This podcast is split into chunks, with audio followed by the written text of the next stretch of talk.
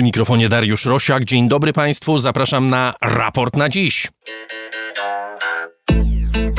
70. dzień inwazji Rosji na Ukrainę. Unia Europejska ogłasza szósty pakiet sankcji, w ramach których do końca roku Unia ma zaprzestać importu rosyjskiej ropy i produktów rafineryjnych. Choć dwa kraje unijne najprawdopodobniej uzyskają klauzule wyłączające, pozwalające im dłużej sprowadzać rosyjską ropę. Izrael oburzony słowami ministra Ławrowa, który powiedział, że Hitler miał żydowską krew, a największymi antysemitami bywają Żydzi. Czy wojna słów między obu państwami przełoży się na decyzje polityczne? Raport jest dziś w Belfaście, stolicy Irlandii Północnej, która jutro wybiera zgromadzenie, czyli władze ustawodawcze prowincji. To być może najważniejsze wybory w tej części Zjednoczonego Królestwa od porozumienia z 1998 roku, które zakończyło trwającą 30 lat wojnę domową. Dlaczego są tak ważne? O tym porozmawiamy w raporcie na dziś, 4 maja 2022 roku. Raport na dziś to środowa odmiana raportu o stanie świata, programu finansowanego przez słuchaczy. To dzięki Państwu możemy opowiadać o świecie, tak jak choćby dziś, z miejsc, w których dzieją się najważniejsze wydarzenia. Dziękuję bardzo za każde wsparcie, niezależnie od wysokości wpłat. A jeśli ktoś z Państwa chciałby dołączyć do coraz większego grona patronów raportu, zapraszam na mój profil w serwisie patronite.pl. Za jego pośrednictwem najłatwiej wesprzeć raport o stanie świata. Adrian Bąk jest wydawcą dzisiejszego programu. Chris Wawrzak realizuje dźwięk w studio Efektura w Warszawie.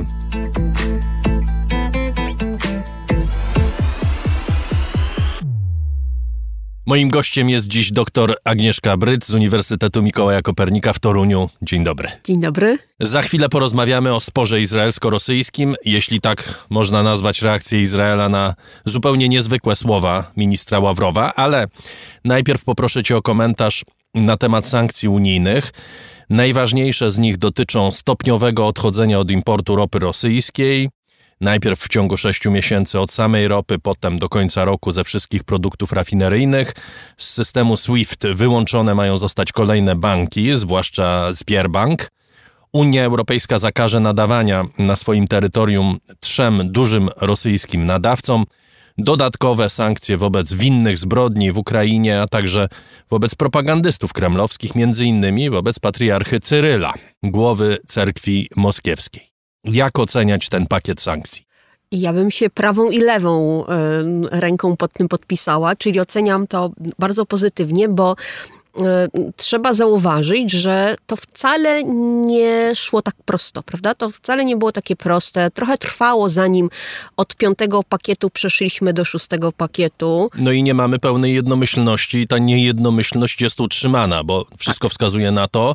My mówimy cały czas o propozycjach. Tak. One prawdopodobnie za kilka dni staną się faktem dokonanym ale już wiemy, że Słowacja i Węgry prawdopodobnie mają takie klauzule wyłączające y, ich właśnie z tych sankcji a mają klauzule wyłączające na zasadzie takiego przedłużenia im możliwości wejścia do systemu embargowego dwudziestomiesięczne, czyli do końca 2023 roku, co oznacza, że też nie będą, prawda, mogły sobie sprowadzać w sposób bardzo dowolny rosyjskiej ropy. Co więcej, będą musiały to w jakiś taki podatkowy sposób regulować sprawy konkurencyjności.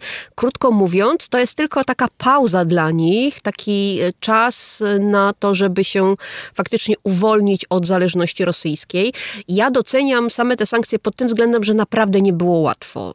No, pamiętamy wielkie dramaty, zresztą dramat Olafa Scholza czyli mm, to jak, prawda, Niemcom... No przecież warto to docenić, tak. prawda? To znaczy, my mówimy cały czas o tym hamletyzowaniu y, i kanclerza Scholza i w ogóle wszystkich Niemców, ale pamiętajmy o ogromnej presji jednak opinii publicznej, która swoje zrobiła.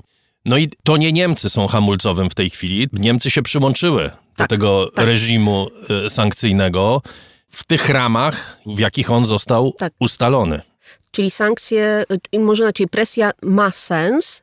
Co więcej, można przekonać nawet tych, którzy mogliby skutecznie zablokować możliwość prowadzenia embarga na, na rosyjski e, eksport do Europy ropy naftowej. O gazie, jakby fazę gazu już mamy za sobą, więc to trzeba docenić, tak? Bo my tak bardzo łatwo wytykamy palcem i Niemcy i Francję, ale e, Niemcy też tutaj dokonały, znaczy wykonały bardzo dużą pracę, bo przecież swoją zależność w dosyć krótkim czasie zredukowały z ponad 30% do 12%, czyli to nie jest tak, że mm, nie działały, tylko minimalizowały szkody, więc można by powiedzieć, że y, próbują nie przeszkadzać w utrzymywaniu tego jednolitego stanowiska unijnego, co jest bardzo ważne. Krótko mówiąc, Unia Europejska była w stanie w sposób taki inteligentny obejść e, te możliwości blokujące, czyli tych, którzy nie są w stanie przyłączyć się do sankcji, do embarga, jednocześnie to embargo wprowadzić z pewnymi wykluczeniami czasowymi. I to jest plus dla nas. To jednocześnie, jakby to też warto podkreślić, że to nie jest byle co, to już jest embargo, to już jest klasa wyżej od e, sankcji, ponieważ uderzamy w sposób taki e, systemowy w, w import rosyjskiego surowca przetworzonego i nieprzetworzonego, ale surowca, który stanowi znaczną część rosyjskiego PKB, a e, jeżeli mielibyśmy tak porównać, kogo bardziej zaboli, to warto podkreślić, że to Europa stanowi połowę rynku rosyjskiego eksportu ropy naftowej. Koło 48% z tego, co pamiętam, e, więc to to, to dzisiaj to Rosjanie będą mieli ogromny kłopot. Oni zresztą przewidywali, że ten kłopot prędzej czy później nastąpi. Oni twierdzą, że ten kłopot sobie rozwiążą, że będą sprzedawać gdzie indziej, ale to chyba nie jest takie proste. To nie jest takie proste. To, jest, to, to nie jest tak oczywiste i ja mam wrażenie, że to, co mówi prezydent Putin, mówią jego mm, mm, członkowie gabinetu, to jest na potrzeby rosyjskiego społeczeństwa tak uspokajająco, że mm, nie runie rosyjska gospodarka z jednego miesiąca na drugi, czyli z maja na czerwiec, e, ale w rzeczywistości jest tak, że Rosjanie owszem mogą sprzedawać, tylko jest pytanie, jakim, jak, znaczy w, jakim, w jakiej ilości to po pierwsze i z jak dużym upustem, bo e, w grę wchodzą powiedzmy Chiny, ale te Chiny nie są wymieniane, wymieniane na pierwszym miejscu, w grę wchodzą Indie, może czasem Turcja, ale jeszcze trzeba to zważyć, e, jak bardzo te państwa będą chciały, może inaczej, na ile będą w stanie ryzykować dobre handlowe relacje z Zachodem, ze Stanami Zjednoczonymi, z Europą i czy Rosja jest warta poświęcania całej masy innych biznesów, które na pewno łączą i Indie, i Chiny, i Turcję z Europą. W każdym razie ten front sankcyjny y, rozszerza się. Y, nie ma pauzy i to jest dosyć istotne. Stawiamy tutaj przecinek i to jest oczywiście temat, do którego będziemy wracać cały czas. Natomiast no, mamy zupełnie niezwykłą sytuację między Izraelem a Rosją. Minister Ławrow w wywiadzie dla włoskich mediów najpierw powtórzył znaną y, wersję antysemicką y, o tym, że Hitler był po części Żydem i dodał też wersję, y, która często trafia w różnego rodzaju media i różnego rodzaju mity dotyczące roli odgrywanej przez Żydów na świecie. Y, dodał, że Żydzi y, są największymi antysemitami. A potem, gdy minister spraw zagranicznych Izraela ostro zareagował, to rosyjskie ministerstwo zamiast się wycofać, to dodało, że Jair Lapid, czyli szef izraelskiej dyplomacji, wygłasza stwierdzenia historyczne, co tłumaczy fakt, że Tel Awiw wspiera neonazistowski reżim w Kijowie. My oczywiście jesteśmy przyzwyczajeni do kłamstw, do, manipulacji Rosji y, w tej wojnie, ale tutaj przekroczona została jakaś tam kolejna y, granica. Przy czym wiele pytań się rodzi, ale jedno z takich pierwszych podstawowych to jest oczywiście po co to w ogóle Rosji? To znaczy, mamy kraj, który jest bardzo wstrzemięźliwy w poparciu Ukrainy, który jeszcze bardziej hamletyzuje niż Niemcy. Co prawda, inną rolę oczywiście odgrywa i pewnie ma inne powody, stara się balansować między Moskwą a Kijowem, po co to Rosjanom?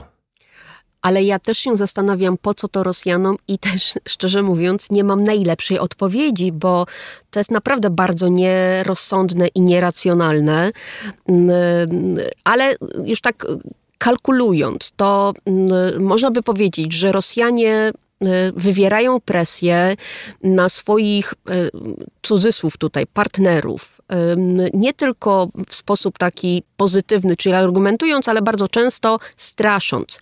Podobnie y, próbował Ławro wywierać presję na Olafa Scholza, mówiąc, że tak trochę mu suflując podpowiedź, kiedy Olaf Scholz zastanawiał się nad e, sprawą embarga, mówiąc, że dozbrajanie Ukrainy doprowadzi do eskalacji, a eskalacja do III wojny światowej, czyli jakby podpowiadał mu argument, który mógłby użyć. No tylko, że tutaj jakby przenosimy się do tej sfery, y, nie wiem, no jakiejś, trudno to nazwać nawet ideologią, czyli tej mitologii antysemickiej, tak. jeden z głównych artykułów głosi, że Żydzi sami zorganizowali własny Holokaust, prawda? Bo to jest mniej więcej jakby posunąć ten argument dalej, no to taki jest kluczowy wniosek z tego, co mówił y, minister Ławrow. Tak, tak, więc Ławrow poszedł o tyle krok dalej, że on jednocześnie uderzył w takie podwójne tony. Po pierwsze, czyli y, jakby nazwał Izrael państwem wspierającym nazistowski, tu znowu cytuję, reżim w Kijowie, czy neonazistowski reżim w Kijowie.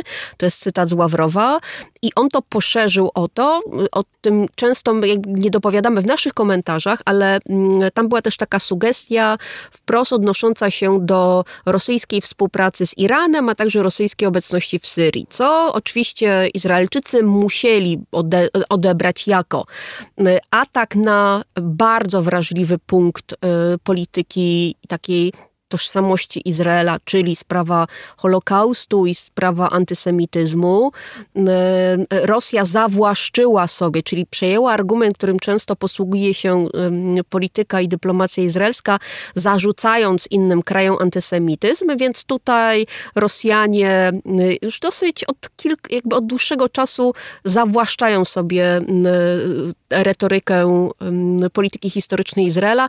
Tym razem uderzyli wprost samo państwo Izrael, co jest, to jest, pod, to jest naprawdę szalenie ważny moment, ponieważ tutaj e, trochę Rosjanie rozegrali kartę, której już nie będą mogli grać.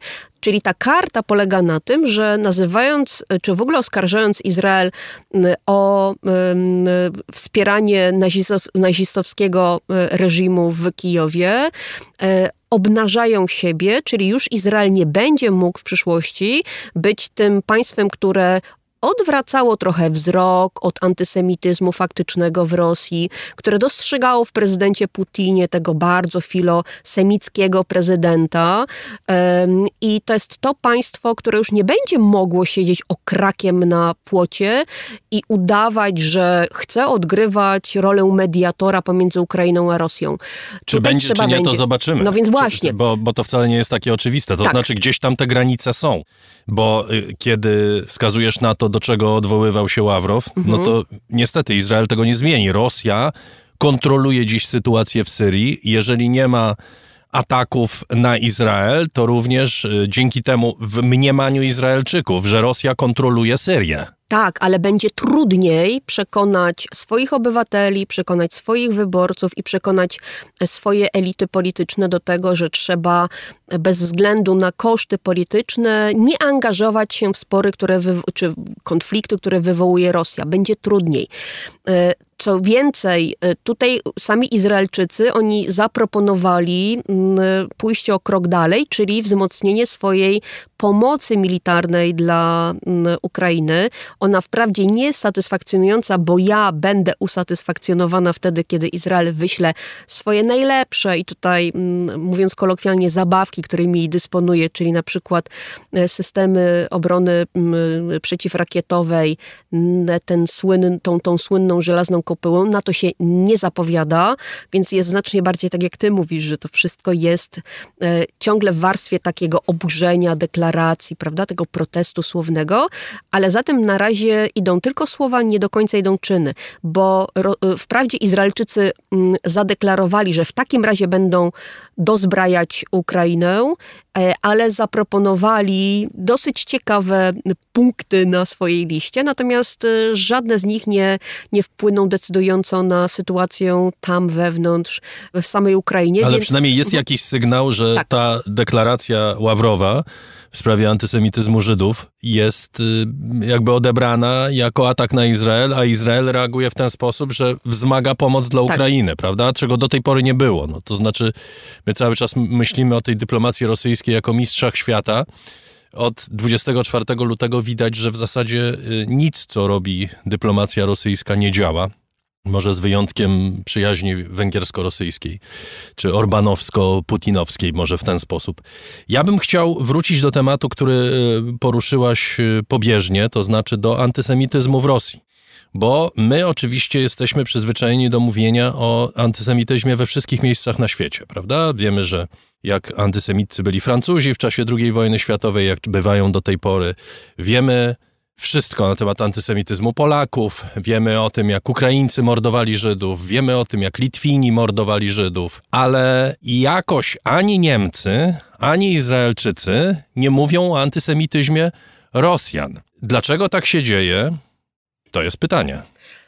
To się dzieje od bardzo długiego czasu. I y, w zasadzie takim apogeum, w którym um, przekroczono um, absolutnie granicę tolerancji faktów, był 2020 rok, y, styczeń, um, Światowe Forum Holokaustu i Moshe Kantor jako głównodowodzący tej wielkiej uroczystości w Jerozolimie. Pamiętamy wtedy, to jest ten moment, kiedy prezydent Duda miał polecieć i nie poleciał, ponieważ y, kilka miesięcy wcześniej a w zasadzie miesiąc wcześniej prezydent Putin tak bardzo mm, po kawaleryjsku mm, zrobił taką wrzutkę historyczną, oskarżając ambasadora Lipskiego o antysemityzm, cytując tak bardzo nieeleganckiego cytat.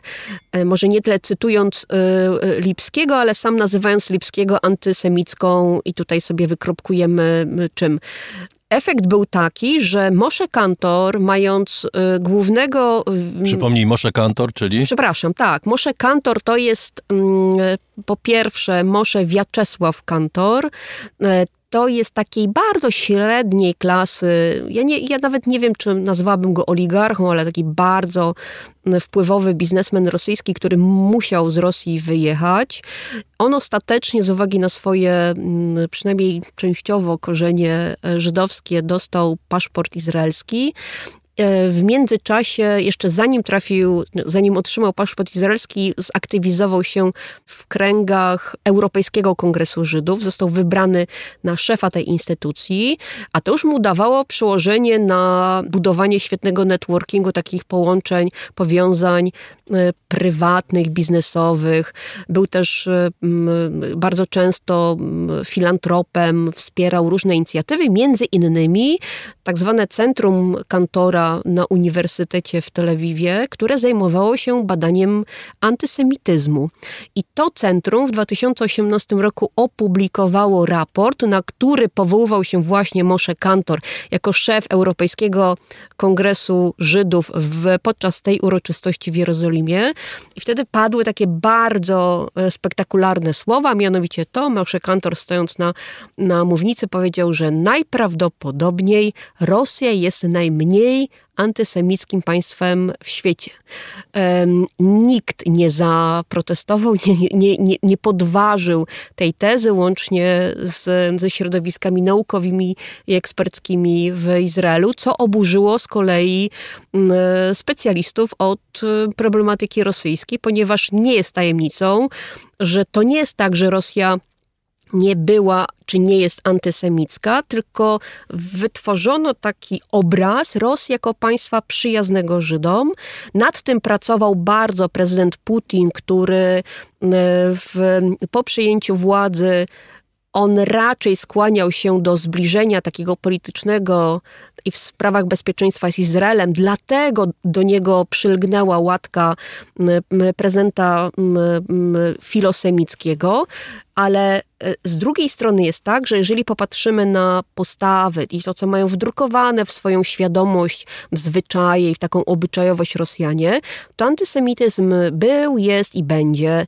Antysemickie incydenty, nie są po prostu zgłaszane najczęściej na policję z wielu powodów, a raporty... Czyli ich nie ma. Czyli ich nie ma, ich nie ma w raportach. I te raporty, na przykład ten w 2018 roku, wprost w pierwszym zdaniu stwierdzał, w 2018 roku nie było e, antysemickich e, incydentów w Rosji, co oznacza, że nie były one zgłaszane, albo jak były zgłaszane, to nie były nazywane jako antysemickie.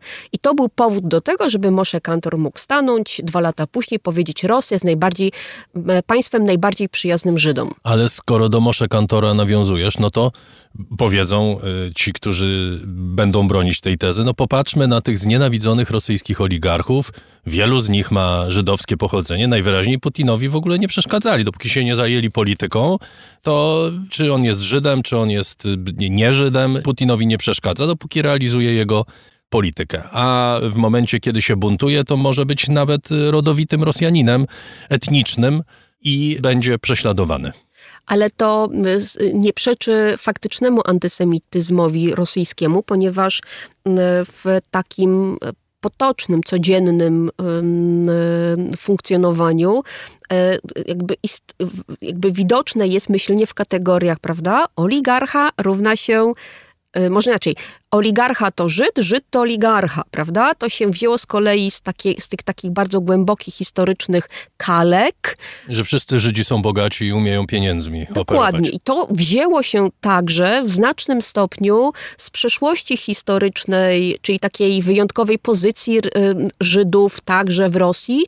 tych słynnych protokołów mędrców Syjonu, czyli wiemy, to jest fałszywka to, to, był, prawda, to była fałszywka nie polskich antysemitów, nie francuskich antysemitów czy innych e, antysemitów, tylko rosyjskiej ochrany tylko po to, żeby e, skierować frustrację e, obywateli jeszcze wtedy carskiej Rosji przeciwko bardzo konkretnej e, mniejszości, czyli przeciwko Żydom. Więc takie, czyli antysemityzm Rosji to nie jest tylko i wyłącznie obyczajowość, to także, ale to jest przede wszystkim antysemityzm państwowy.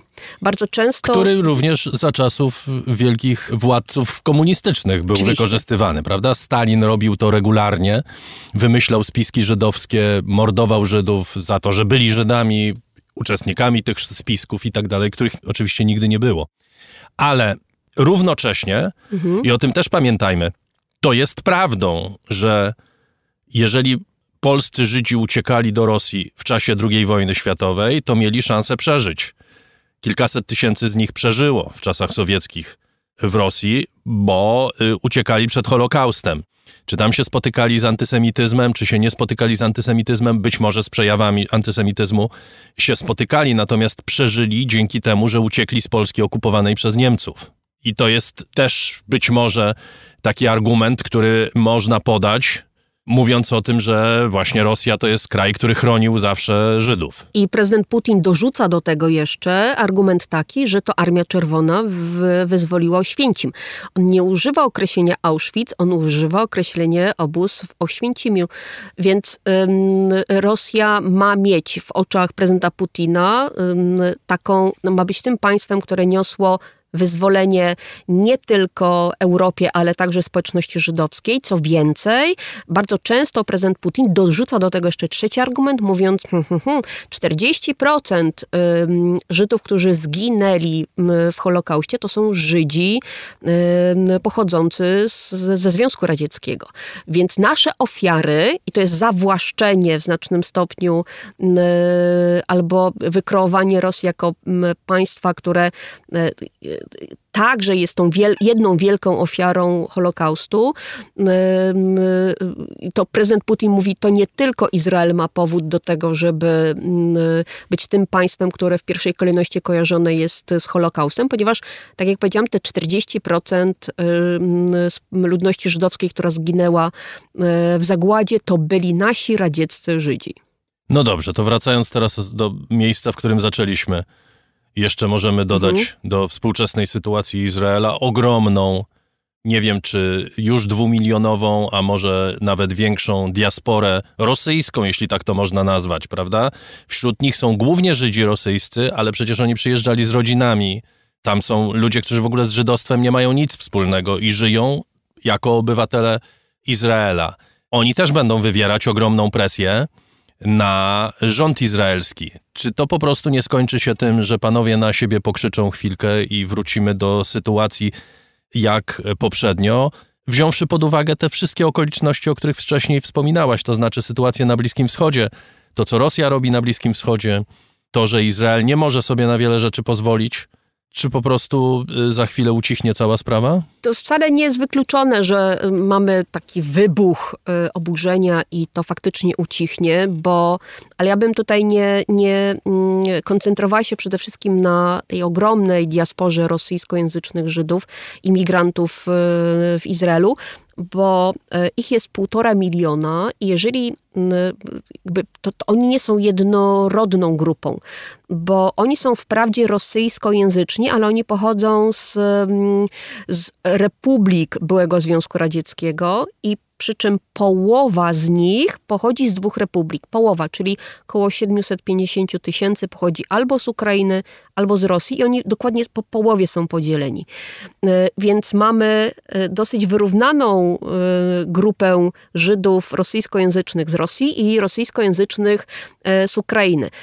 I teraz na to wszystko jeszcze nałóżmy i teraz zobaczymy, to, to nam też pokaże, jak bardzo oni są niejednorodni, czyli tak naprawdę rozpływa się, oni są wielo, mają wielogłos w stosunku do tego, co się dzieje w Ukrainie, bo mamy, tak jak powiedziałam, Żydów rosyjskojęzycznych, ale tych takich w tych wcześniejszych ali, tych takich radzieckich, prawda, jeszcze o dużej takiej nostalgii po, powojennej, komunizujący, tak, to, to jest jedna jedna grupa. To, to jest ta grupa, do której przyjeżdżał prezydent Putin i którą zawsze próbuje faworyzować jako tych swoich weteranów. Im tam kilkaset zresztą dolarów dopłaca do, do emerytury izraelskiej.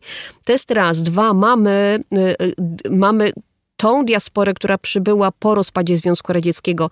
I oni się świetnie wpisali w izraelski klimat i dali, w znacznym stopniu przyczynili się do tego cudu gospodarczego Izraela. Jeszcze mamy trzecią diasporę, czy tak zwana nie tyle diasporę, co Aliję, to jest ta mm, Alija, e, ja bym powiedziała krymsko-donbaska, znaczy raczej krymska, to znaczy po 2014 roku. I to już jest społeczność znacznie bardziej, tak, młodych, młodszych imigrantów, e, bardzo określonych politycznie i takich, którzy nie pozwalają siedzieć władzom izraelskim na tym przysłowiowym płocie, ponieważ to oni e, oni nie kierują się taką do tej pory powszechną zasadą, że mm, to jest nasza, prawda, to jest była ojczyzna i nie mieszamy się w sprawy rosyjsko-ukraińskie, ale oni y, stają na takich stanowiskach bardzo etycznych i moralnych.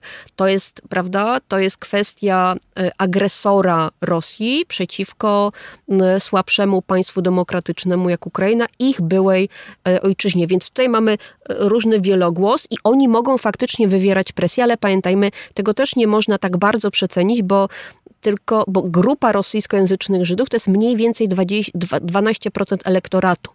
Więc to z tym da się żyć z oburzeniem. Zwłaszcza w tak rozczłonkowanym tak partyjnie jest. kraju tak jak jest. Izrael. Y, ale ja bym z kolei zwróciła uwagę na po pierwsze te twarde interesy bezpieczeństwa, y, ale dla mnie trochę y, obecność Rosji w Syrii jest taką wymówką, żeby nie angażować się, bo to jest takie od dawna bardzo powiedziałabym, raczej utrwalone stanowisko Izraela, że nie mieszamy się, prawda? Krym w 14 roku trzeba było długo czekać, zanim Izrael potępił Rosję i w, tej drugiej odsłonie było podobnie. Trochę szybciej to poszło, ale Izrael też nie miał zamiaru wchodzić między Rosją i Ukrainę ale tam jeszcze jest trzeci czynnik, czyli Stany Zjednoczone. I to w mojej ocenie, nie wiem na ile mam rację, ale zobaczymy, to od presji bardzo konkretnej amerykańskiej zależy to, czy Izrael faktycznie stanie po właściwej stronie, ale to, co może mu pomóc, to jeszcze to, że im bardziej Rosja będzie w tym, w tym e, konflikcie stroną przegrywającą, to Izrael nie będzie miał wątpliwości. Znaczy, Rosja, jeżeli będzie ewidentnie przegrywała wojnę, to Izrael będzie wiedział, że nie będzie musiał ponosić takich, takiego ryzyka, takich konsekwencji i będzie mu łatwiej e, włączyć się do grona państw zwycięskich, e, czyli do Zachodu, e, czyli do tego grona państw, które będą dociskały, sankcjonowały i obciążały embargiem Rosję. Bardzo dziękuję. Doktor Agnieszka Bryc z Uniwersytetu Mikołaja Kopernika w Toruniu była gościem raportu o stanie świata. Dziękuję bardzo.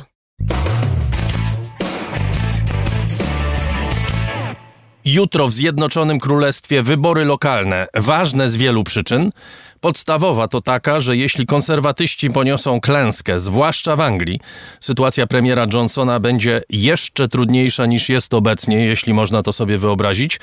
Ale to na razie odłóżmy na bok, bo dziś i w sobotę koncentrujemy się na innej części Zjednoczonego Królestwa Irlandii Północnej. Tam wybory do zgromadzenia, czyli władzy ustawodawczej, 90 lokalnych posłów zostanie wybranych.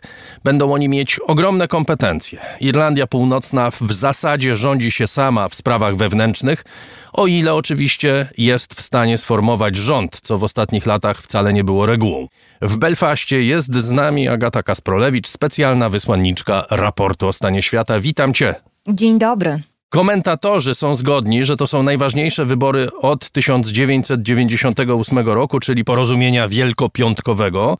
To taka umowa, która położyła kres trwającej trzy dekady wojnie domowej, w której zginęło ponad 3,5 tysiąca ludzi. Na czym polega ta waga jutrzejszych wyborów? No niewątpliwie dla Irlandii Północnej to będą ważne, niektórzy wręcz mówią tutaj, że historyczne wybory, które mogą mieć bardzo poważne konsekwencje, nie tylko dla przyszłości Irlandii Północnej, ale też dla całego Zjednoczonego Królestwa, bo po raz pierwszy od wspomnianego przez ciebie porozumienia wielkopiątkowego z 98 roku, które zakończyło krwawy konflikt między katolikami i protestantami, czy też między republikanami i lojalistami, okres nazywany tutaj The Troubles, czyli kłopoty, w rządzie północnoirlandzkim najsilniejszą partią będzie najprawdopodobniej, a właściwie to już jest prawie pewne, Sinn Féin. Partia republikańska, partia, która miała powiązania z irlandzką armią republikańską i dba o dobrą pamięć Ira.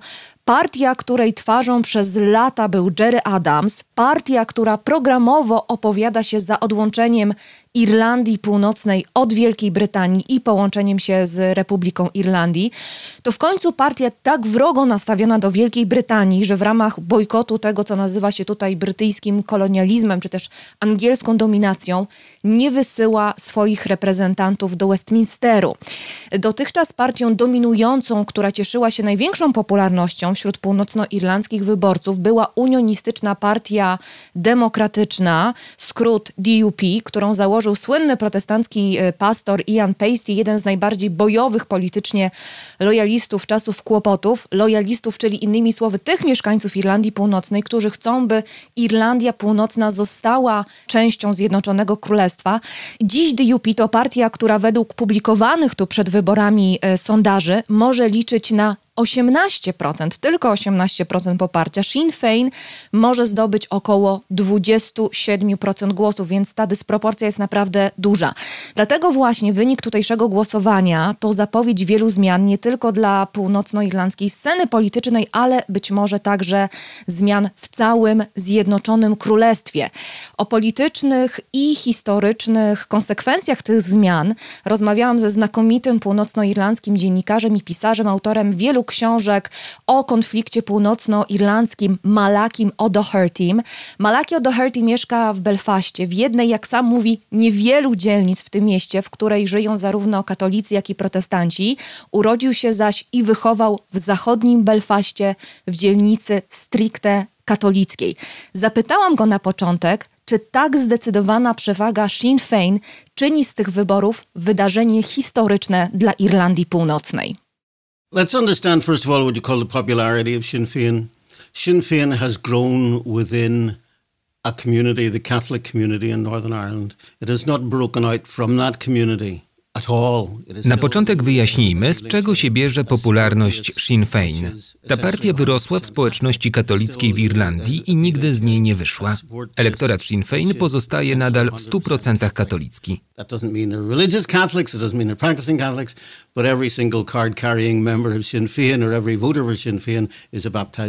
To nie oznacza, że na to ugrupowanie głosują religijni katolicy czy praktykujący katolicy, ale możemy mieć pewność, że każdy, kto oddał głos na tę partię, jest ochrzczonym katolikiem. So their growth has been within that community on two grounds. One by defeating other political parties within that community, chiefly the Social Democratic and Labour Party. Wzrost popularności Sinn Féin wynika z faktu, że partia ta przejęła sporą część wyborców dwóch innych ugrupowań, na które tradycyjnie głosują katolicy, socjaldemokratów i Partii Pracy. Ale umocnienie się politycznej pozycji Sinn Féin na północnoirlandzkiej scenie politycznej wynika także ze zmian demograficznych, które polegają na tym, że jest coraz więcej katolików, a coraz mniej protestantów. Kiedy byłem młody, miałem 20-30 lat i opisywałem trwający w Irlandii Północnej konflikt, określałem katolików jako mniejszość. Catholic minority was disadvantaged inside Northern Ireland, was discriminated against. To, że katolicy jako mniejszość byli dyskryminowani, wielu uważało za największy problem polityczny. Aby go naprawić, jedni twierdzili, że trzeba stworzyć równy podział władzy między katolikami i protestantami.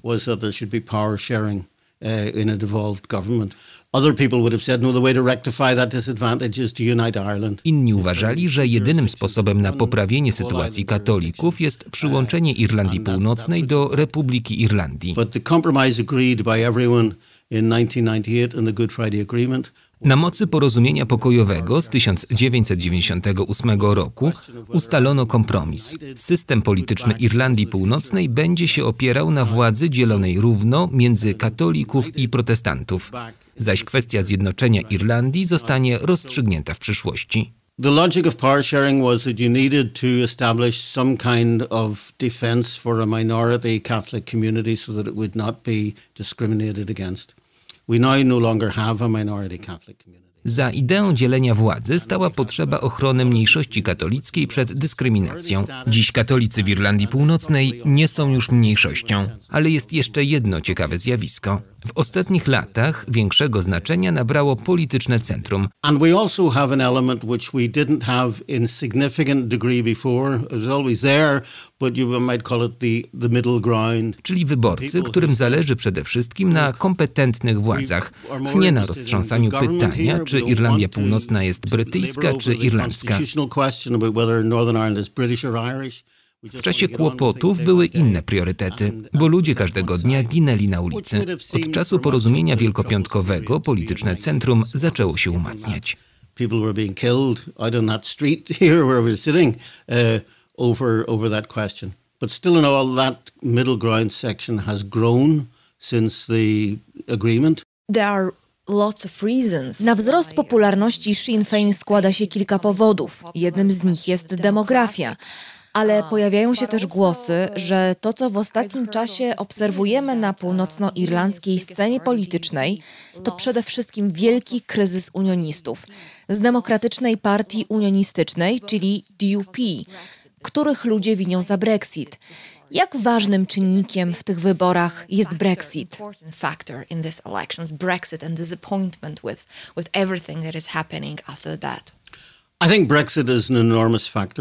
Moim zdaniem Brexit odgrywa niezwykle ważną rolę w tych wyborach. Demokratyczna Partia Unionistyczna była główną siłą polityczną w Irlandii Północnej forsującą Brexit. Jednocześnie DUP nie chce zaakceptować konsekwencji Brexitu, czyli protokołu irlandzkiego, który zakłada, że Irlandia Północna pozostaje w europejskim jednolitym rynku. Unioniści są oburzeni, twierdząc, że takie rozwiązanie nie tylko utrudnia handel z Wielką Brytanią, ale ma także konstytucyjne implikacje, a mianowicie dezintegruje Zjednoczone Królestwo i oddala Irlandię Północną od Wielkiej Brytanii. Cóż, wychodzi na to, że DUP jest partią, która strzeliła sobie w stopę. Najpierw naciskała na Brexit, a teraz nie umie się odnaleźć w postbrexitowej rzeczywistości. Which has made a stupid move in supporting Brexit and creating circumstances which it has difficulty living with. The Democratic Unionist Party also is a morally conservative party. Ponadto DUP jest partią niezwykle konserwatywną moralnie, nie zważając na to, że większość ich wyborców stanowią świeccy protestanci o liberalnych poglądach, którzy popierają unionistów jedynie dlatego, że pragną, by Irlandia Północna pozostała częścią Zjednoczonego Królestwa.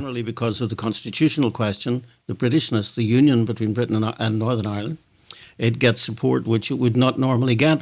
It is a party which is Christian, which is evangelical Christian, which is opposed to a woman's right to choose uh, uh, abortion.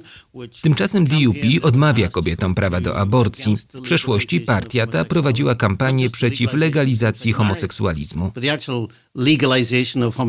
Nie mówię tu o sprzeciwie wobec legalizacji małżeństw jednopłciowych, ale o sprzeciwie wobec legalizacji homoseksualizmu jako takiego. To więc społecznie konserwatywna, religijnie zorientowana partia polityczna, ale brak jej pokory, by dostrzec konsekwencje własnych błędów. Nie ma też wyobraźni, aby poszerzyć swój program o hasła, które mogłyby przyciągnąć dużą część niezagospodarowanej politycznie protestanckiej społeczności. W tym samym czasie, przez poważny proces zmian, przechodzi Sinn Féin. Moje pokolenie pamięta kłopoty. Pamięta niebezpieczeństwo. Pamięta irlandzką armię republikańską i nigdy jej nie przebaczy. I went to work in Belfast as a young man of 21 uh, into his town that was being bombed, right? Kiedy miałem 21 lat, w Belfaście wybuchały bomby IRA. Oczywiście na ulicach byli też brytyjscy żołnierze. Poważnym zagrożeniem były także lojalistyczne gangi, bo mogły mnie dorwać, kiedy wracałem po zmroku, pijany do domu, zaciągnąć mnie do ciemnej alejki, torturować i zastrzelić.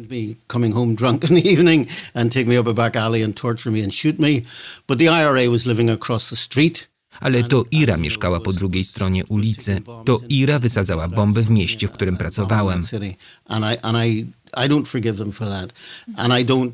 I tego im nie wybaczyłem. Choć dziś przyjaźnię się z kilkoma byłymi członkami IRA, bo wierzę, że niektórzy ludzie się zmieniają.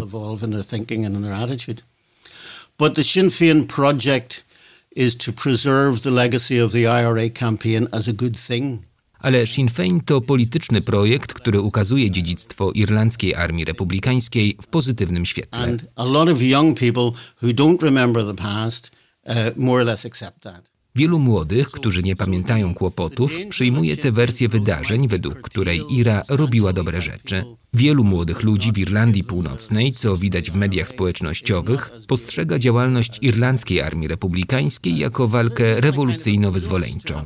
Wierzy, że nie było innego wyjścia, jak tylko prowadzić partyzancką wojnę przeciwko brytyjskiej armii. IRA struggle, ale to przecież nie wyjaśnia, dlaczego bojownicy IRA wysadzali w powietrze protestanckie puby. Malaki O'Doherty, pisarz irlandzki i dziennikarz w rozmowie z Agatą Kasprolewicz. Agato, za chwilę wrócimy do tej rozmowy, ale ja chciałbym o jednym wątku wspomnieć.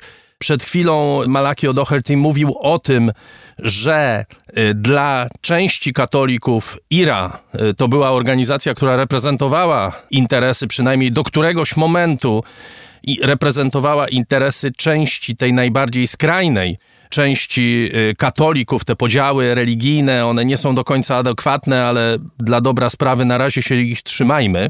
Równocześnie przez te ostatnie 20 lat, czyli przez czas pokoju, wychodzą na jaw szczegóły zbrodni irlandzkiej armii republikańskiej i to zbrodni takich, o których Ira nie chce pamiętać, a zwłaszcza nie chcą pamiętać jej przywódcy, prawda?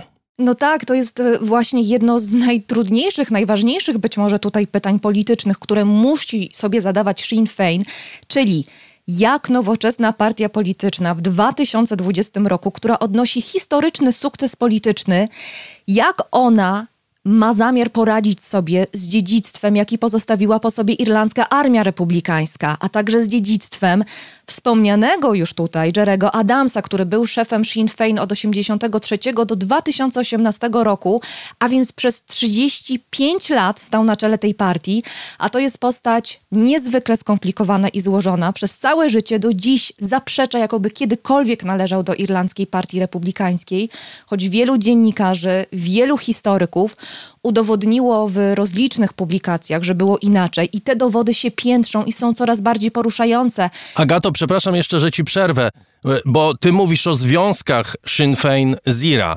Żeby powiedzieć jasnym, otwartym tekstem, IRA była zbrojnym ramieniem Sinn Féin. To znaczy IRA dokonywała zamachów, a Sinn Féin przez wiele lat zajmowała się usprawiedliwianiem politycznym tych zamachów. I w dużej mierze cały czas to robi.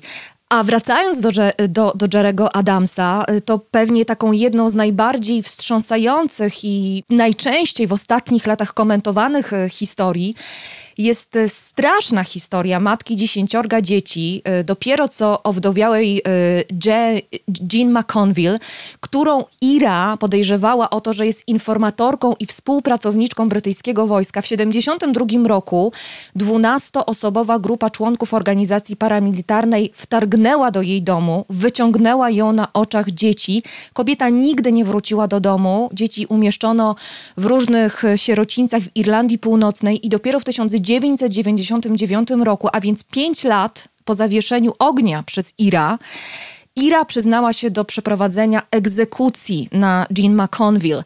E, jej ciało odnaleziono dopiero w 2003 roku na plaży, chociaż jej rodzina błagała o to, aby wskazać miejsce, gdzie, gdzie leżą jej zwłoki. Mm, znaleziono je 80 kilometrów od Belfastu w Republice Irlandii. E, I jeden z byłych współpracowników, byłych bliskich współpracowników Jerego Adamsa, rozczarowany faktem, że Adams wypiera się działalności z irlandzką Armią Republikańską, oskarżył go o wydanie rozkazu wymuszonego zniknięcia McConville. Pytanie więc, jak współczesne Sinn Féin radzi sobie z tym dziedzictwem, jest niezwykle ważne i odpowie na nie teraz Malaki O'Doherty.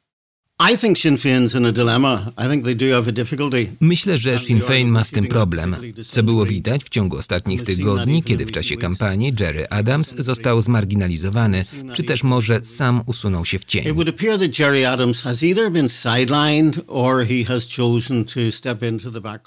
Stało się bowiem jasne, że to on ściąga na Sinn Féin najwięcej krytyki za jej dawne powiązania z IRA.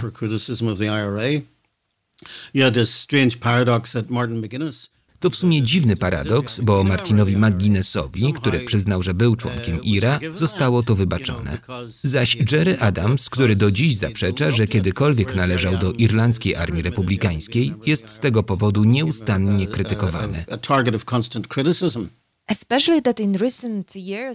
Szczególnie, że kolejne publikacje dziennikarskie wyciągają na światło dzienne kolejne zbrodnie, za które odpowiedzialny był Jerry Adams. Jerry Adams is responsible. Well, you know, he, the, the Sinn Féin is a litigious political party. Sinn Féin to bojowa partia polityczna. Uh, we do have to be careful how we speak about them in the public domain. Musimy bardzo uważać, jak o niej mówimy w przestrzeni publicznej. Prawo w Irlandii Północnej pozwala pozwać kogoś za zniesławienie, nawet jeśli nie ma się dowodu na to, że zostało się zniesławionym i obarczyć pozwanego sporymi kosztami.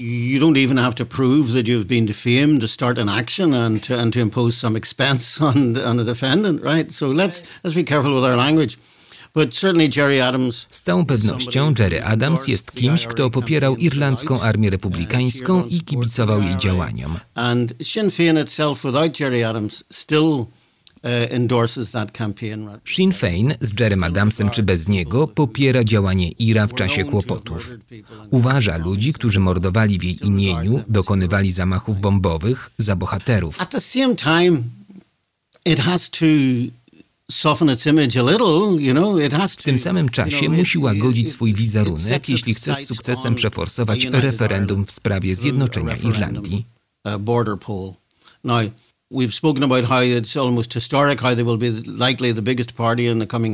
Mówiliśmy o tym, jak rośnie popularność Sinn But- ale musimy pamiętać, że zakładając najbardziej optymistyczny scenariusz, ta partia zdobędzie maksymalnie 30% głosów. 30% of the assembly, right? So how does a party which represents only 30% of the voting population, how does that party carry a majority in a referendum on a United Ireland? Jak partia, którą popiera 30% społeczeństwa Irlandii Północnej, zbierze większość potrzebną do wygrania referendum w sprawie zjednoczenia Irlandii? Musi znaleźć sposób, by przekonać do siebie jeszcze 20% społeczeństwa. Te 20% może znaleźć tylko i wyłącznie w politycznym centrum, o którym wspomniałem na początku naszej rozmowy. Now, there are people in the middle ground who will say,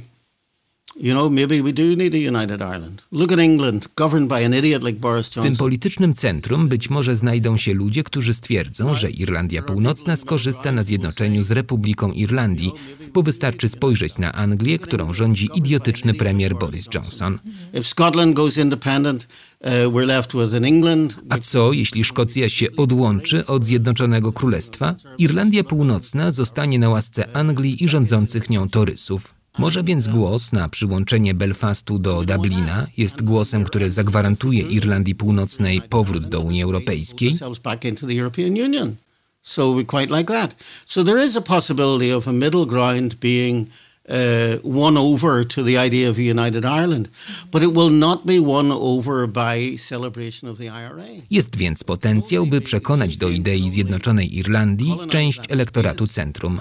Ale argumentem nie może być z pewnością celebrowanie spuścizny irlandzkiej armii republikańskiej. Sinn Féin uda się skolonizować tę polityczną przestrzeń i przyciągnąć do siebie ludzi, jeśli będzie umiała zminimalizować znaczenie swoich historycznych związków z IRA.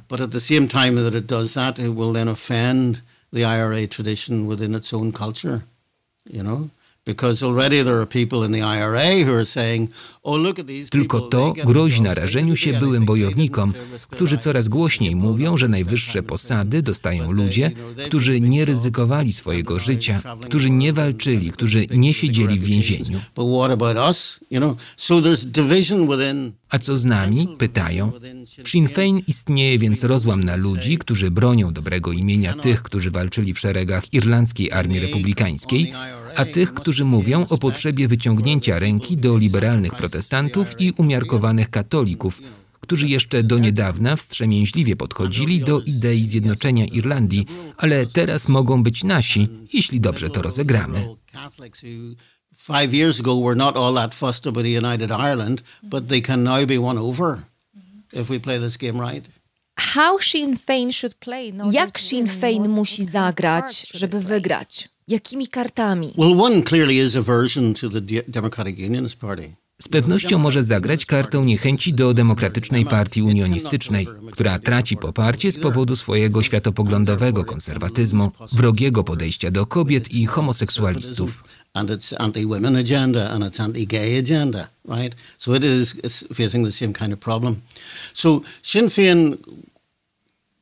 can win support from people who do not support the legacy of the IRA, but who Sinn Féin może więc wygrać poparcie wśród ludzi, którzy nie popierają działalności IRA, ale nie mogą znieść surowej moralnej agendy DUP, którzy wolą być częścią Unii Europejskiej niż Zjednoczonego Królestwa. Strategią na osiągnięcie tego celu jest nadanie nieco innego tonu kampanii na rzecz zjednoczenia Irlandii. civic nationalism. W wyniku tego powstało is zjawisko, które nazywa się obywatelskim nacjonalizmem. Tworzą je ludzie, którzy nie odwołują się do spuścizny Irlandzkiej Armii Republikańskiej, ale opowiadają się za zjednoczeniem Irlandii.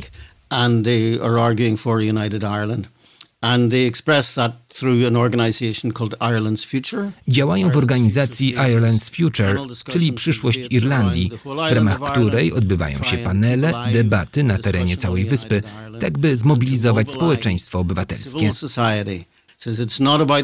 Ta dyskusja odcina się od przeszłości, pokazując, że idea zjednoczonej Irlandii nie musi opierać się na celebrowaniu męczenników republikańskiej walki, ani na wyrównywaniu krzywd z Anglią czy upokarzaniu protestantów.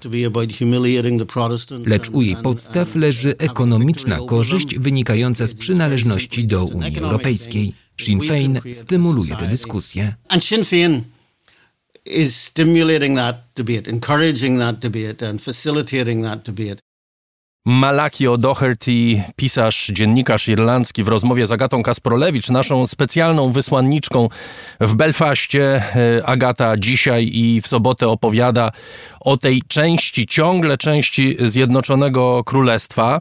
Agato, twój rozmówca mówił, że szansą Sinn Féin, czyli republikańskiej partii dążącej do zjednoczenia, paradoksalnie nie jest odnoszenie się do historii, ale uciekanie od niej, szukanie głosów wśród ludzi, którzy uznają y, DUP, czyli tą główną partię unionistyczną, partię, która y, dąży do utrzymania Unii y, z koroną brytyjską, do szukania głosów wśród ludzi, którzy uznają DUP za partię nienowoczesną, partię niepostępową, partię, która doprowadziła do Brexitu, wsteczną w sensie obyczajowym, ale czy to oznacza, że historia przestaje być ważna? Czy nie widać jej w życiu codziennym, w codziennych symbolach takich miast jak na przykład Belfast?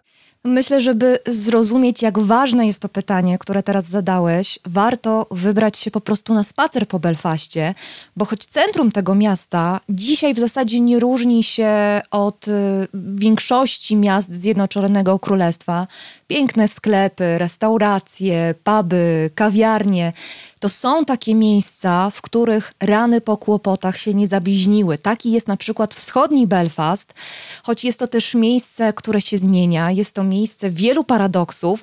Za chwilkę zresztą Państwo usłyszą. Zapraszam na spacer po wschodnim Belfaście z Aleksandrą Łojek, autorką książki Belfast 99 ścian pokoju, która mieszka w tym mieście od kilkunastu lat i zna je od podszewki. A spacer ten zaczynamy od miejsca, w którym znajduje się ogromny mural Ulster Volunteer Force, czyli UVF, czyli mural ulsterskich sił ochotniczych, mówiąc wprost organizacji terrorystyczno-paramilitarnej północnoirlandzkich protestantów jest napisane UVF, to jest School of Ulster Volunteer Force. To była organizacja paramilitarna i jest. Była organizacja paramilitarna, która powstała po to, żeby bronić brytyjskości, po czym została zamieniona w organizację paramilitarną, która już nie tylko broni brytyjskości, ale jest też, no ma, ma dwa ramiona, ramię niszczenia i ramię tworzenia. To niszczenia no to jest niestety związane z pewnymi powiązaniami części tej organizacji z kartelami narkotykowymi, a część organizacji zupełnie się od tego odżegnuje i właściwie pełni rolę taką porządkującą, rolę policjanta w dzielnicy. Także jesteśmy w dzielnicy, która jest częściowo kontrolowana przez to dobre, w cudzysłowie, ramię organizacji paramilitarnej. I ten mural jest jeden z, jednym z wielu murali. To jest takie trochę znaczenie terenu. Mhm. On jest niby historyczny, bo odwołuje się do 1912 roku, czyli właśnie powstania tej organizacji jako broniącej przed irlandzkimi no nie na jej stanie było odwrotnie, przed, przed, przed irlandzkością, przed oczywiście rzymskim kościołem, przed katolicyzmem. Natomiast no, oczywiście dla wszystkich tu, tutaj mieszkających jest to informacja, że tutaj działa UWF. Bo jesteśmy we wschodnim Belfaście i to jest właśnie miejsce, gdzie mieszkają przede wszystkim protestanci. Przede wszystkim protestanci chociaż to się rozrzedza, bo w tej chwili od jakichś, no przynajmniej 10 lat jest duży napływ y, mniejszości z różnych krajów. Bardzo dużo Polaków tutaj mieszkało. Teraz powolutku się wyprowadzają i pojawiają się uchodźcy, których jest coraz więcej. Ostatnie dwa lata jest zalew y, Afrykańczyków, więc ta dzielnica tutaj była kiedyś bardzo biała. Jeszcze 5 lat temu była przerażająco biała i kiedy powoli coraz więcej muzułmanów, czy Afrykańczyków, czy czarnych, czy białych muzułmanów, ale kobiet w ustach się zaczęło pojawiać, tak ta wrogość początkowa zaczęła się też rozrzedzać, bo okazało się, że y, no niczym się ci ludzie nie różnią, poza tym, że prawdopodobnie no właśnie kobiety być może noszą chusty, a być może nie, bo to też różnie bywa w samym islamie. Także ym, ta akceptacja zaczęła się pojawiać. Są jeszcze takie miejsca, gdzie jest lęk większy. Ym, ale przez to, że są próby, To autobus. Głośny bardzo. próby ze strony, ze strony rządu e, i różnych organizacji działających na miejscu, żeby zapobiegać wszelkim aktom nienawiści, to ludzie zaczęli się oswajać z tą innością, wiesz? I przestają się tym przejmować. A teraz jeszcze wzrosły ceny, więc wszyscy się przejmują tym, że wzrosły ceny wszystkiego, a mniej, że sąsiad jest czarny, albo że puszcza dziwną muzykę, która, której wcześniej nie słuchaliśmy.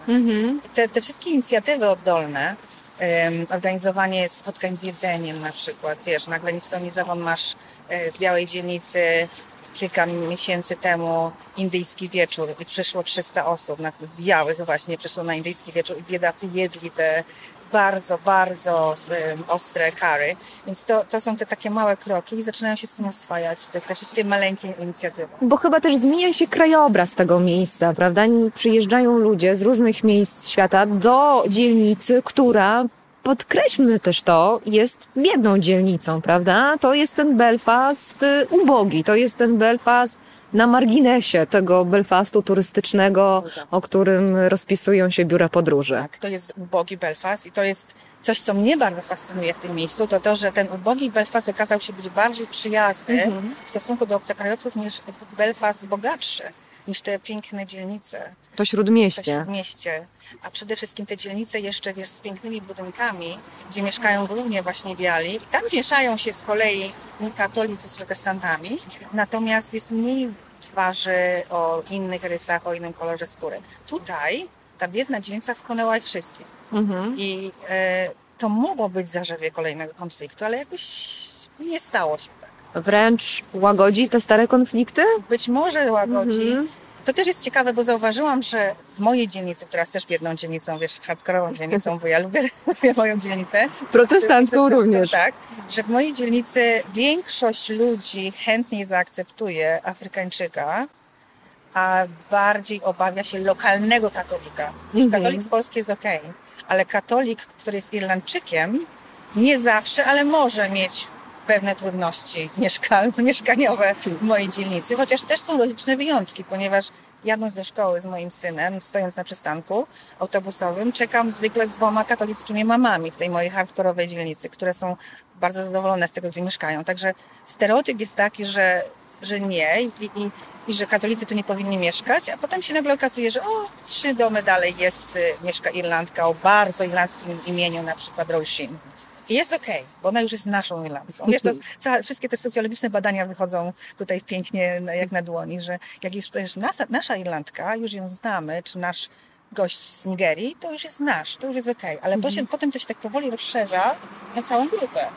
Ale to jest fajnie, bo chyba tworzy się też taka nowa tkanka społeczna i to na kilku poziomach, prawda? No bo mówisz o tym, jak ludzie się otwierają tutaj w tej protestanckiej dzielnicy wschodniego, biednego Belfastu, jak ludzie otwierają się na innych, na ludzi, którzy mają inny kolor skóry, pochodzą z innych religii, z innych miejsc świata, ale to też widać na tych ulicach, bo pojawiają się nowe knajpki z tym jedzeniem bardziej egzotycznym i to właśnie w tym Belfaście niekoniecznie modnym, niekoniecznie trendy, prawda? Bardzo niemodnym. Aha. To wciąż jest część Belfastu, o której kiedy mówię różnym moim nowym znajomym, gdzie mieszkam, patrzą na mnie z takim pytaniem w oczach, że to jest trudna dzielnica.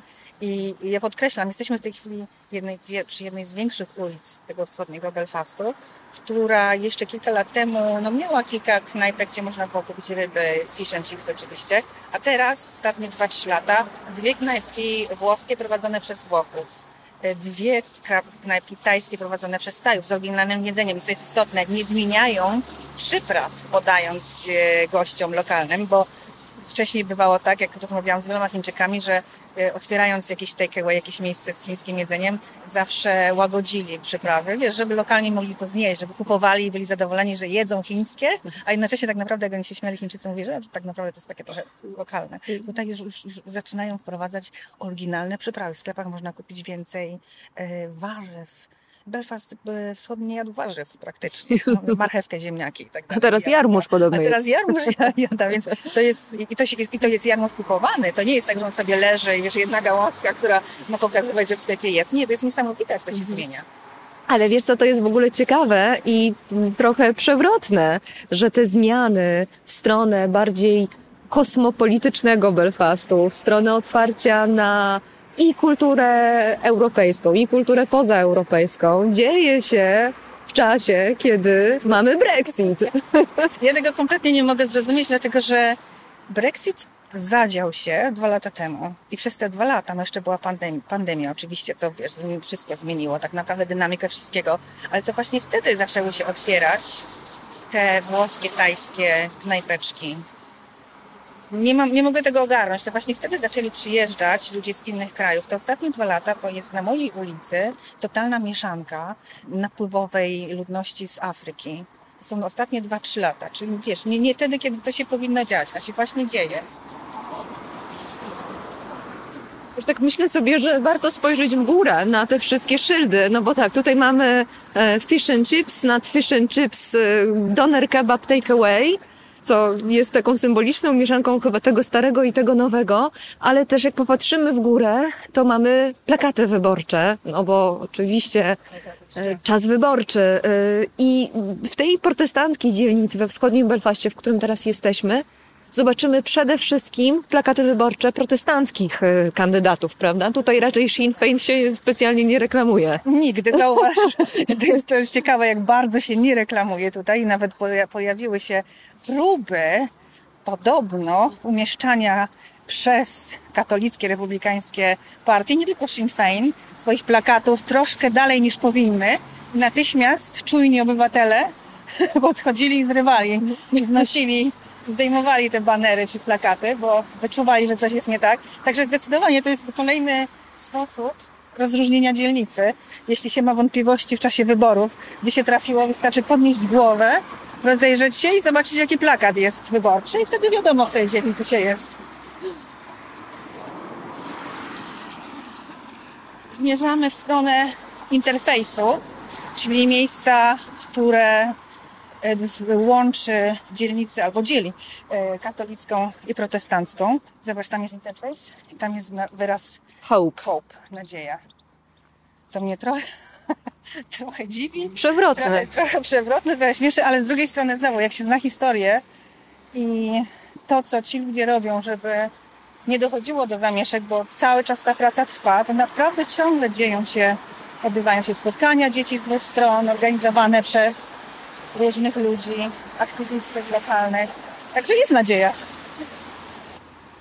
Insane. No właśnie, kilka kroków zrobiłyśmy i jesteśmy już w dzielnicy republikańskiej. Wiadomo, bo na siatce tutaj tego ogrodzenia wielki plakat Sinn Féin Time for Real Change. Zobacz, jest po irlandzku. I na dole, na dole po tak. irlandzku ten sam napis. Zobacz też, jaka ładna, to mi się bardzo podoba, to jest bardzo interesujące, jaka jest gender balance. Masz dwóch, dwóch panów, dwie panie. Tak. Y, Sinn Féin ogromną wagę przykłada do równości płci. To jest taki haczyk też, dlatego że unioniści niekoniecznie, nie zawsze, nie wszyscy, może tak, a na pewno nie DUP. Widzisz dwie panie? To jest przewodnicząca.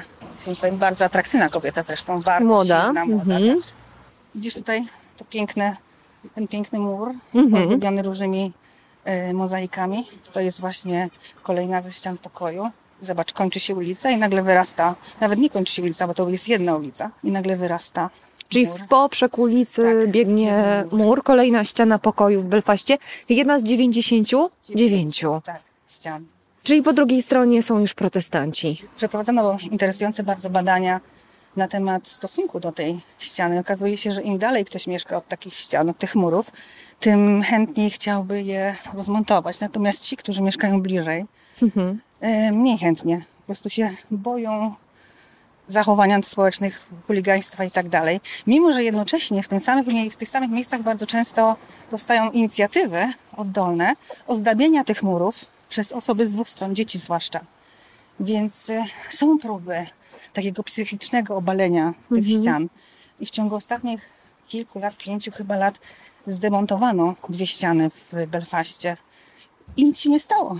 Nikt Nie nikogo było nie reakcji. zabił, tak, nie, Mhm. nie rzucał kamieniami. Mhm. No widzisz? Cichutko. Cichutko. Bryson Street, tak?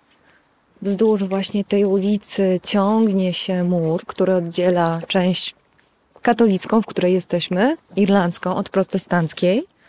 A tutaj takie, Jakaś.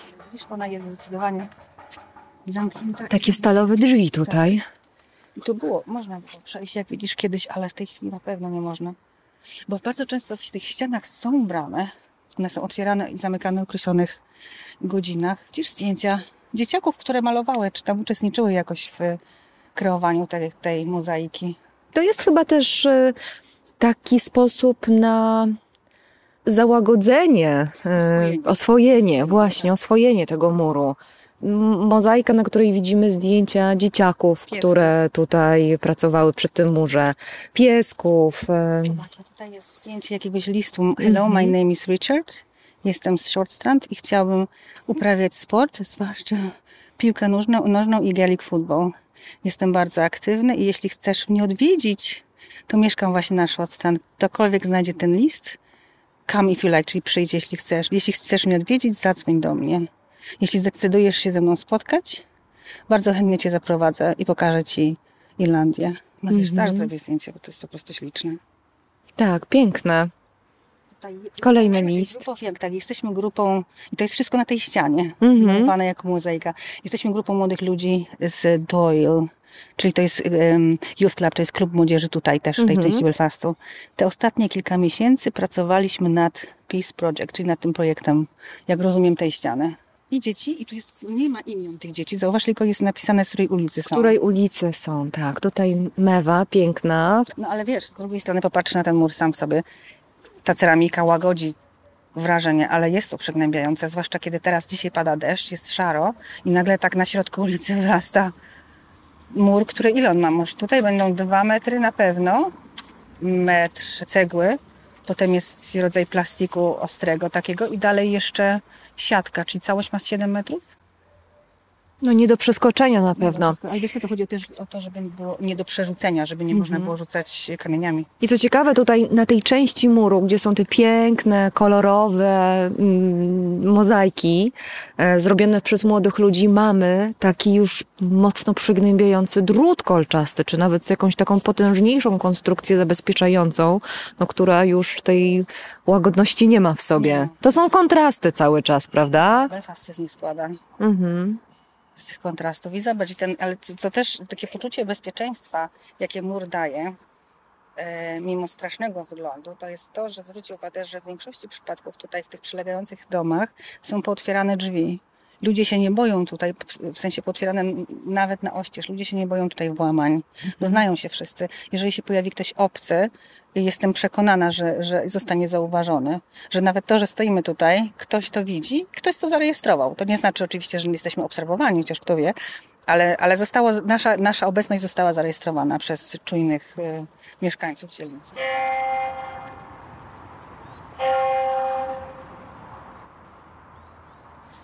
To, co słyszymy, to są dzwony kościoła świętego Mateusza, już po drugiej stronie dzielnicy, tak? Katolickiego. Katolickiego kościoła, a my jesteśmy w tym momencie w części protestanckiej. Jesteśmy przed potężnym muralem przedstawiającym jak najbardziej członków organizacji paramilitarnej UWF. Współczesnych, niehistorycznych, ważnych tutaj w tej dzielnicy. Zresztą są też podpisy, że zginęli w akcji, czyli w czasie kłopotów. W jakiej akcji możemy się tylko domyślać? Oczywiście jakiejś akcji związanej z terroryzmem, ponieważ jest to organizacja uznana za terrorystyczną. Mhm. No Tak, to są takie, mm, takie niezwykłe momenty w Belfaście, kiedy stoimy przed muralem upamiętniającym bohaterstwo organizacji protestanckiej, która zabijała republikanów, katolików w czasie kłopotów. Jednocześnie bardzo blisko widać e, kościół już w dzielnicy katolickiej i słychać jego, jego, jego dzwon. Wszystko się tutaj miesza, prawda? Wszystko się miesza i wszystko może być tak naprawdę źródłem bólu, bo to jest radykalna dzielnica i tamta dzielnica Shortstand jest też radykalna. To są ludzie, którzy byli bardzo zaangażowani w kłopoty, bo możemy być w takich dzielnicach też, gdzie ta świadomość przeszłości nie jest taka silna. Tu jesteśmy te, dwa, te dwie dzielnice są, są bardzo przeciwko sobie ideologicznie, choć mentalnie mogą być bardzo podobni mieszkańcy. I oni pamiętają. Ci ludzie na pewno będą pamiętać. Ale znowu nie chciałabym, gra- nie chciałabym generalizować, bo w tych dzielnicach też mieszka dużo ludzi, którzy chcą wyrwać tych innych z ich bólu, z, tych, z, tej, z tego zapatrzenia w przeszłość i prowadzić ich do, do przeszłości. Są tacy ludzie. Warto o tym pamiętać.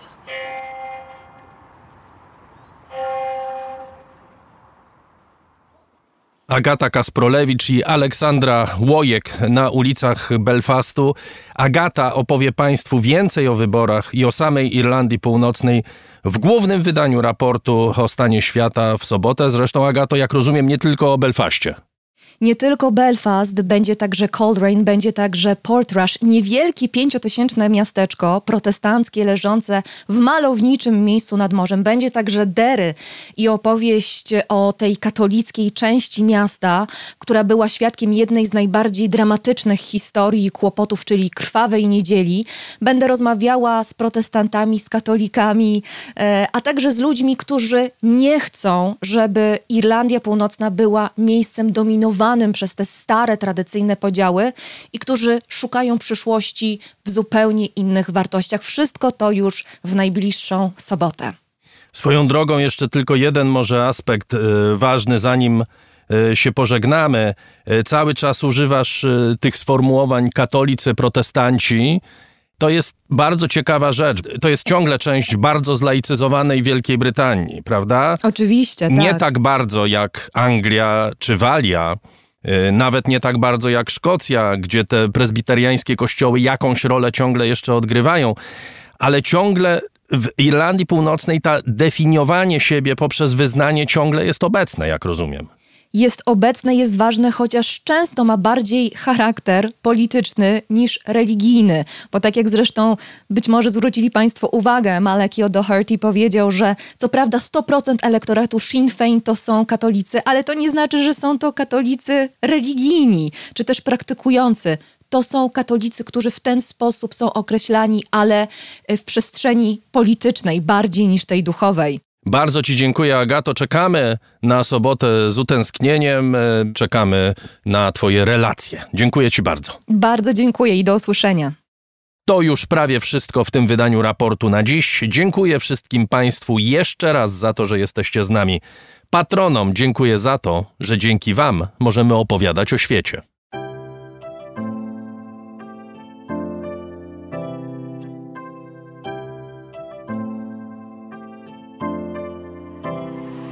Raport o stanie świata od marca 2020 roku rozwija się dzięki Państwa zaangażowaniu i szczodrości. To dzięki Wam możemy opowiadać o świecie przy pomocy dźwięków. Dzięki Wam ten program jest przygotowywany w profesjonalny sposób z zachowaniem najwyższej jakości, bo na nią właśnie zasługują słuchacze raportu o stanie świata. Z serca dziękuję wszystkim Państwu za wpłaty. Wasza hojność jest dla mnie ogromnym zobowiązaniem. Zbiórka na patronite.pl ciągle trwa, zachęcam do udziału. Najhojniejsi patroni raportu o stanie świata to firma Ampio Smart Home, Aureus, leasing, kredyt, ubezpieczenia, księgowość. Sprawdź nas na www.aureus.pl. Hotel Bania Termal Iski w Białce Tatrzańskiej, oferujący pakiety pobytowe z termami w cenie. Firma doradcza Crido. Gdzie Polek.pl Wyszukiwarka leków w aptekach stacjonarnych i internetowych. Sebastian Kazek, edunawigator, szkolenia z pierwszej pomocy. Razem w przyszłość. Polsko-Japońska Akademia Technik Komputerowych, Warszawa, Gdańsk, Bytom. Catering dietetyczny Lightbox, oferujący dietę pudełkową z wyborem potraw z różnych kuchni świata. Michał Małkiewicz. Michał Nowaczyk. Wspieramy polski snowboard. Firma Software Mill. Od zawsze zdalni programują dla całego świata. Dom wydawniczy Muza, bo świat nie jest nam obojętny. Uber. Myślimy globalnie, działamy lokalnie. A także BIMV.pl. Kursy online dla inżynierów. Liceum Błeńskiej Gdańsk-Kowale. Przemyślana edukacja w dobrym miejscu. Piotr Bochnia. CIO Net and Digital Excellence. Łączymy ludzi i idee. Grupa brokerska CRB. Ubezpieczenie należności dla Twojej firmy. Bezpłatne porównanie ofert www.grupacrb.pl Duna Language Services. Biuro tłumaczeń do zadań specjalnych. www.duna.biz. Mariusz Drużyński. Agata Fischer. Galmet. Polskie pompy ciepła. Marek Jerzewski. JMP. Z miłości do sportu, z najlepszych tkanin w sercu Podhala szyjemy dla Was porządną odzież. Palarnia kawy La Cafo z Augustowa. LSB Data. Dedykowane aplikacje internetowe dla biznesu. Masz pomysł? Zrealizujemy go. lsbdata.com Alan Meller. Aplikacja Moja Gazetka. Polska proekologiczna aplikacja zakupowa z gazetkami promocyjnymi i nie tylko. Moja Gazetka. Kupuj mądrze. Oil Medica. Kosmetyki pod Twoją marką. Firma Prosper z Sosnowca, hurtownia elektroenergetyczna i właściciel marki Czystuś. Wydawnictwo SQN. Więcej niż książka. www.wsqn.pl Drukarnia cyfrowa totem.com.pl Dla nas książka zasługuje na najwyższą jakość. Fundacja Wasowskich, opiekująca się spuścizną Jerzego Wasowskiego i wydawca książek Grzegorza Wasowskiego. Szczegóły na wasowscy.com.